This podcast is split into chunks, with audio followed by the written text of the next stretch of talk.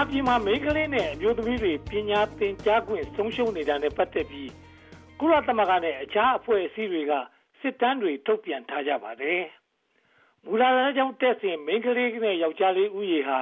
အတူတူလောက် ရှိပေမဲ့အလယ်တန်းနဲ့ အထက်တန်းပိုင်းကို ရောက်လာတဲ့အခါမှာ မိန်းကလေးဥယေဟာတိတိတာတာနေပါလာတယ်လို့ ဆိုပါတယ်။2015စာရင်းအရ အသက်15နှစ်ပြည့်တဲ့ အမျိုးသမီး2သန်းနီးပါးဟာ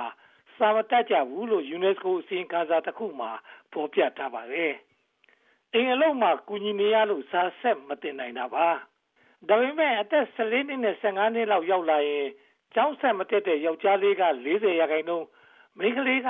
45ရာခိုင်နှုန်းလောက်ရှိကြောင်း သိရပါတယ်။မိဘက ကျောင်းစိတ် မတတ်နိုင်တော့လို့ ကျောင်းကထွက်ကြရတာ များပါတယ်။ဆင်းရဲနွမ်းပါမှုကြောင့် ပညာမသင်တာ ဖြစ်ပါတယ်။ သားနဲ့သမီးရှိတဲ့ဆင်းရဲသားအိမ်တော်စုဟာ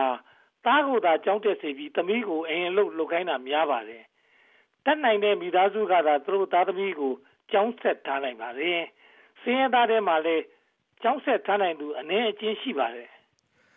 ဆယ်တန်းအောင်သူတွေထဲမှာအမျိုးသမီးဦးရေကပိုများပါတယ်။အာရှဖွံ့ဖြိုးရေးဘဏ်ကထုတ်ပြန်တဲ့ Gender Equality and Women's Rights ဆိုတဲ့အစီရင်ခံစာမှာ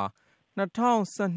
ရင်းကိုကိုးကားပြီး တက္ကသိုလ်တက်သူ ၆၀ ရာခိုင်နှုန်းဟာ အမျိုးသမီးဖြစ်တယ်လို့ ဆိုပါတယ်။မဟာဝိဇ္ဇာနဲ့ မဟာသိပ္ပံတက်သူ ၈၀ ရာခိုင်နှုန်းဟာ အမျိုးသမီးတွေ ဖြစ်ကြပါတယ်။ PhD ဒေါက်တာဘွဲ့ တက်နေသူတွေထဲမှာ ၈၀ ရာခိုင်နှုန်းဟာ အမျိုးသမီးတွေ ဖြစ်ပါတယ်။ဒါကြောင့် တက္ကသိုလ် ဆရာ ဆရာမထဲမှာ အမျိုးသမီးက ၈၃ ရာခိုင်နှုန်း ဖြစ်နေတာ တွေ့ရပါတယ်။ယောက်ျားလေးတွေဟာ ဘွဲ့မရမီ အလုပ်လုပ်ရတာများတဲ့အတွက် ပညာဆက်သင်သူ နည်းပါးတာ ဖြစ်နိုင်ပါတယ်။ တရားသူကြီး၁၄၀၀ကျော်နဲ့ ဥပဒေအရာရှိ၁၂၀၀ကျော်မှာတော့ အမျိုးသားကတဝက် အမျိုးသမီးကတဝက် ဖြစ်ပါတယ်။ဒါပေမဲ့ အမျိုးသမီးအများစု စာမတတ်သူ ဖြစ်နေတာဟာ အဓိက အားနည်းချက် ဖြစ်ပါတယ်။ဆရာမလုပ်တဲ့ အမျိုးသမီးဥယျာဉ်များသလိုတစ်တော အင်ဂျင်နီယာနဲ့ စစ်ဖက်ဆိုင်ရာ လုပ်ငန်းတွေမှာ အမျိုးသားဥယျာဉ်များပြားပါတယ်။တက္ကသိုလ်ပညာကို နှစ်အတော်ကြာစီးပူးပြီးမှ အလုပ်လုပ်တဲ့ အမျိုးသမီးတွေကိုကြည့်ရင်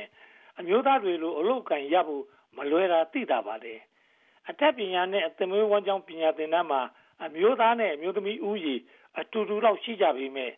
ဘာသာစကားအချုပ်အလုပ်စတာတွေမှာအမျိုးသမီးတွေများနေပါတယ်။ကိတ္တစီးပွားရေးမှာလိုအပ်တဲ့ကွန်ပျူတာလိုဘာသာရပ်ကိုစိတ်ဝင်စားတဲ့အမျိုးသမီးကနည်းနေပါတယ်။တမယိုးကြအလုပ်တွေကိုပဲအမျိုးသမီးတွေကဆက်လုပ်နေကြတာများပါတယ်။ ကွန်ပျူတာအတတ်ပညာဟာ အမျိုးသားအတွက်သာ ဖြစ်တယ်ဆိုတဲ့ အမြင်မျိုးဟာ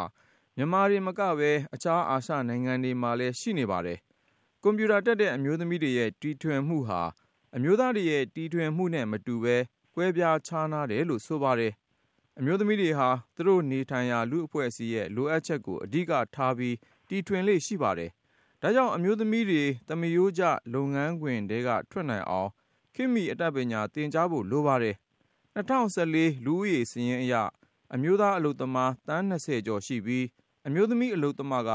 ၁၃ သန်းရှိပါတယ်။စီးပွားရေး တိုးတက်လာတာနဲ့အတူ အိမ်တွင်းစီးပွားရေးမှာ အမျိုးသမီးပါဝင်တဲ့ အခန်းကဏ္ဍဟာလည်း ကြီးမားလာတာကြောင့် အမျိုးသမီး ပညာရေးနဲ့ အလုပ်ရရှိရေးဟာ အရေးကြီးလာပါတယ် လူတိုးတက်ဖွံ့ဖြိုးရေးမှာ ပညာရေးဟာ အဓိက လိုအပ်ချက်တစ်ခု ဖြစ်ပါတယ်။ ပညာတတ်ရင်အလုပ်ရဖို့အခွင့်အလမ်းပိုမိုများလာတာမို့အနှိမ်ငံဘဝကလွတ်မြောက်နိုင်ပါစေ။မိသားစုကျန်းမာရေးအကြောင်းကိုလည်းပိုမိုသိရှိနားလည်လာတဲ့အတွက်ဥဆောင်နိုင်စွမ်းရှိလာပါတယ်။ကောင်းမွန်တဲ့လူပေါင်းတိဆောက်ရမှာလိုအပ်တဲ့အတတ်ပညာနဲ့ကျွမ်းကျင်မှုကိုပညာတတ်မှသာရနိုင်ပါတယ်။အမျိုးသမီးတွေပညာမတတ်လို့ခင်းတဲ့အညီအလုပ်မလုပ်နိုင်တာတိုင်းပြည်အတွက်ဆုံးရှုံးမှုတစ်ခုဖြစ်ပါတယ်။စာတတ်တဲ့အမျိုးသမီးဟာသားဖွားမှုကိုထိန်းချုပ်နိုင်ပြီး အကျန်းဖက်အနိုင်ကျင့်တာကိုတွန်းလှန်နိုင်ပါတယ်။စာတတ်တဲ့အမျိုးသမီးကသာနိုင်ငံရေးကိုစိတ်ဝင်စားကြပါတယ်။စာတတ်တဲ့အမျိုးသမီးဟာကျန်းမာရေးဘက်မှာလည်းအသိဉာဏ်ပိုရှိလာတဲ့အတွက်သားသမီးကျန်းမာရေးပုံမကောင်းမွန်လာပါလေ။မူလတန်းပညာလောက်တတ်ထားတဲ့အမျိုးသမီးတွေဟာကုသရောဂါကာကွယ်ရေးကိုပုံမနားလေသဘောပေါက်ကြပါတယ်။အလေတန်းပညာသင်ကြားထားတဲ့အမျိုးသမီးတွေမှာကလေးအသေးပြောင်နှုံနေပါပါလေ 1990က2010အထိအနှစ်40ကာလမှာ